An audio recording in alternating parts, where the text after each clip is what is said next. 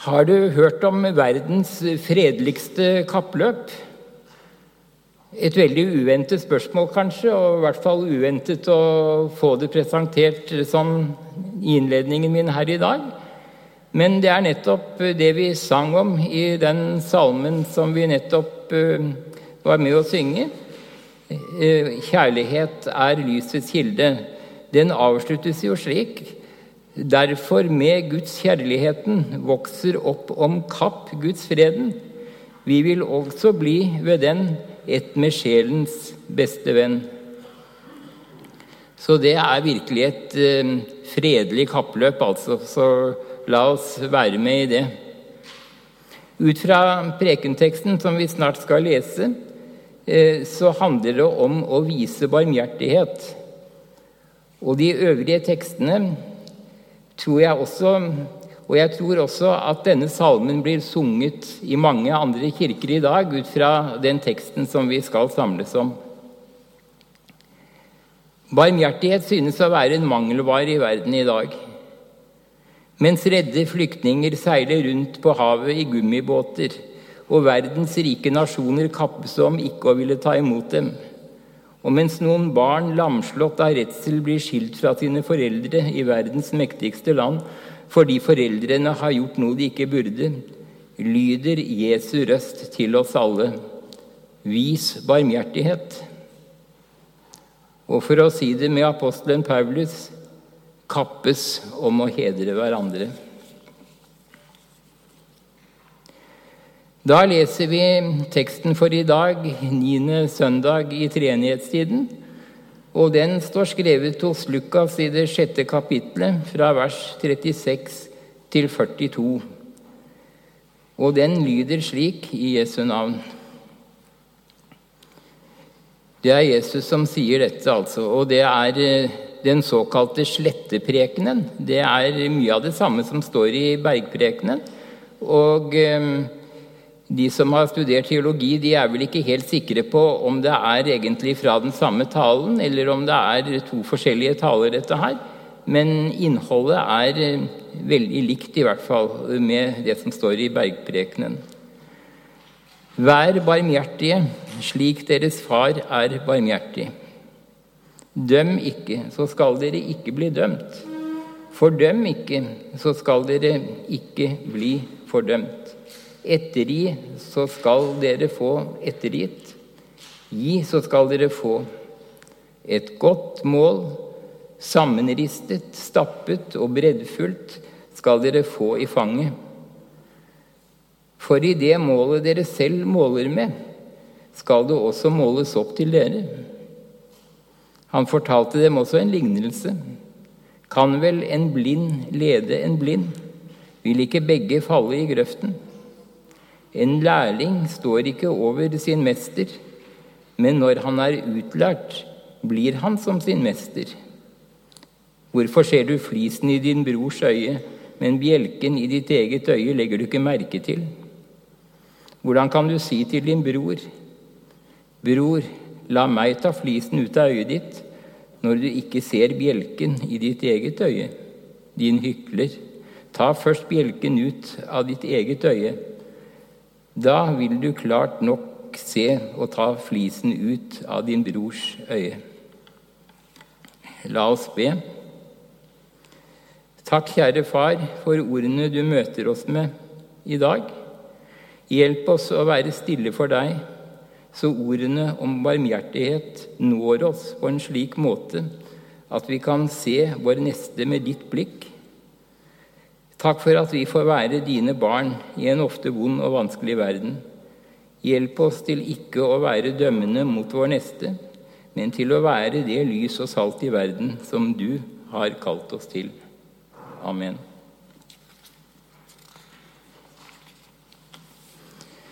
Barmhjertighetens søndag syns jeg kunne være en god overskrift og et godt navn på denne søndagen. Bibelordet minner oss i dag, på niende søndag i treenighetstiden. Vær barmhjertige slik deres far er barmhjertig, lyder Jesu oppfordring. Og den er til oss, ikke bare på, som en vennlig påminnelse, men faktisk også som en viktig huskeregel og leveregel. Men først noen ord om hva det vil si å se på sin neste med et dømmende blikk. Hva menes med dette å dømme, som Jesus så sterkt advarer mot? Å felle dom kan være én betydning av ordet, men det kan også bety å skille ting fra hverandre.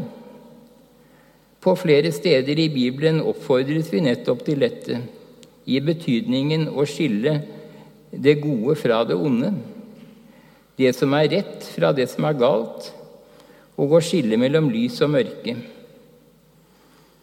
Her må vi altså ikke blande sammen to forskjellige ting. For som kristne skal vi ikke være ukritiske.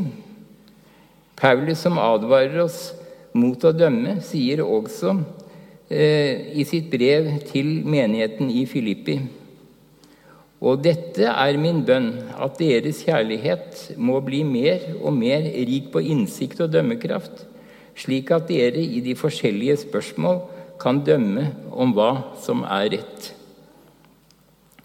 Ja, vi trenger å be om visdom fra Gud til å oppnå en slik innsikt at vi kan skille ting fra hverandre, slik at vi kan se klart hva som er Guds gode vilje, og hva som ikke er det. For en gang skal alt komme til sin rett i Guds rettferdige dom. Han som troner så høyt, og som kan se så dypt, at han kan dømme rettferdig. Og det er det bare Gud som kan. Alt er altså ikke like godt, like sant eller like rett. Som kristne må vi øve oss i dette å skille mellom godt og vondt, sannhet og løgn, rett og falsk lære. Og allikevel, altså denne sterke advarselen gjennom hele Skriften mot å dømme i betydningen fordømme eller å dømme før tiden, eller å ta saken i egne hender. Så lenge vi er her på jorden, så lenge vi er mennesker og medmennesker og medvandrere, er vårt kall å vise barmhjertighet. Og så må vi overlate dommen til Gud alene, Han som er nådig og rettferdig, og som vet hva som bor i menneskene. Vær barmhjertige slik deres far er barmhjertig, lyder tekstordet til oss i dag. Ubarmhjertigheten skaper sin egen dom. Den er som en rekyll. For med den dom vi dømmer andre med, skal vi selv dømmes. Med det mål vi måler andre med, skal vi selv måles. Men barmhjertigheten seirer over dommen, skriver Jakob. Det er som vi hører mesterens egen mildhet når han sier 'Salige er de barmhjertige, for de skal få barmhjertighet'. Og da er det vi kan Og da er vi der vi skal være i dag, når vi på nytt hører evangeliet fra Jesu munn. Vær barmhjertige slik deres far er barmhjertig. Han taler om øynene som ser og ikke ser, og som trenger å renses for å kunne se og skille klart. Med barmhjertighetens øyne ser vi også vårt eget behov for barmhjertighet. Det handler om å få et sant syn på seg selv, lære seg selv å kjenne på godt og vondt. Og det er en vanskelig øvelse. For vi har så lett for å bli nærsynte, forblindet av vårt eget ego, som har en tendens til å vokse seg altfor stort. Vi trenger virkelig å be slik som i den salmen Hans Nilsen Hauge sang ute på kornåkeren da han fikk sin sterke gudsåpenbaring. Vis meg rett klarlig min jammer og møye, vis meg fordervelsens avgrunn i meg. Jesus kaller det å ha en bjelke i sitt eget øye uten selv å være klar over det. Det er så mye lettere å se feil hos andre enn hos seg selv. I psykologien kaller man det for projeksjon eller overføring. Altså på seg selv kjenner vi andre, og omvendt. Og på en måte blir vi særlig skjerpet når vi oppdager egne feil hos andre. Derfor kan vi faktisk lære mye om oss selv eh, om vi blir oss bevisst hva vi dømmer andre for. Ubarmhjertigheten, som mener seg å være så klarsynt, viser seg ofte å være det motsatte og ser ikke at flisen og bjelken er av samme opprinnelse. Derfor er den også blind for å se sitt eget behov for barmhjertighet. Men jo mer vi ser av vår egen utilstrekkelighet og dårskap, jo mer klarner synet, og vi ser at vi selv mer enn noen er avhengig av Guds godhet og barmhjertighet. Og jo mer, mer dette går opp for oss, jo mer opplever vi at de fullkomne menneskene omkring oss er medmen de ufullkomne menneskene vi ser omkring oss, er medmennesker med samme behov som vi selv har. Det er først når vi kommer til en slik erkjennelse, at vi virkelig ser og opplever behovet for å møte en nådig Gud. En rik og uforbeholden nåde for Jesus skyld og som det heter i en salmestrofe Først da fikk jeg kjenne Hans salige nåde. Først da løstes korsets forargelsens gåte. Først da lærte hjertet å favne den byrde som Han har meg rakt, den forbarmende hyrde. Først da opplever vi behovet for Guds nåde, og først da erfarer vi at Jesu død på korset var et soneoffer, og at det gjelder for meg. Vi skal om en liten stund synge 'Der det nye livet lever'. Det er ikke noe mindre enn et nytt liv Jesus kaller oss til. Ikke som fullkomne skapninger, nei, som feilende og skrøpelige mennesker som får ta sin tilflukt til Han på en ny og spennende vei. Hvor den fører, den vet ingen, men en vandring har tatt til. Så la oss eh, tenke oss litt ekstra om når vi velger våre ord. La oss tale klart, slik som Bibelen gjør, men la det være i kjærlighet og omsorg for vår neste, ikke med sten i våre hender. Til slutt vil jeg dele en ungdomsminne med dere fra den tiden jeg gikk på gymnaset på Elisenberg skole på begynnelsen av 1960-tallet. Denne skolen hadde tidligere vært privatskole, og den gangen ble hver skoledag innledet med en kort andakt. Denne gode skikken ble også ført videre den tiden jeg gikk der.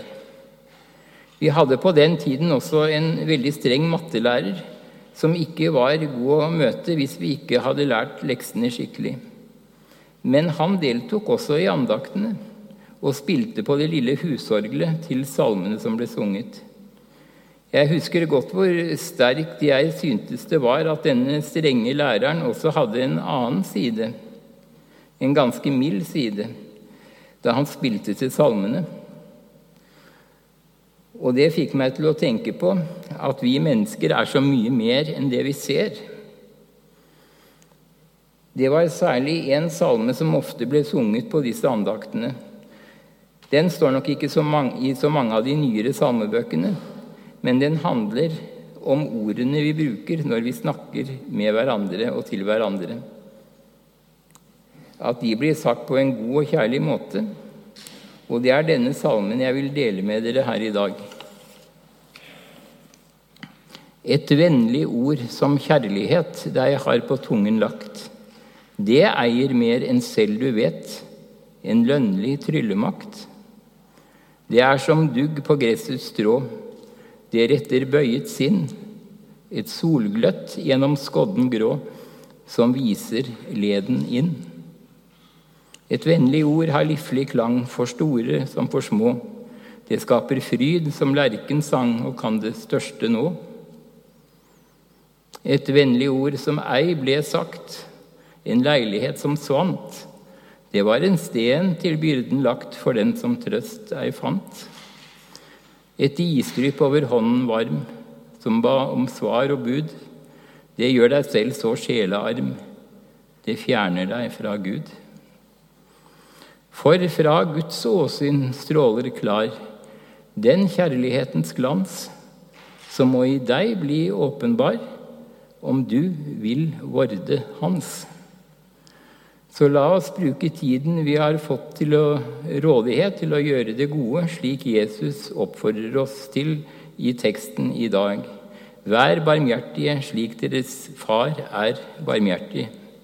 Amen.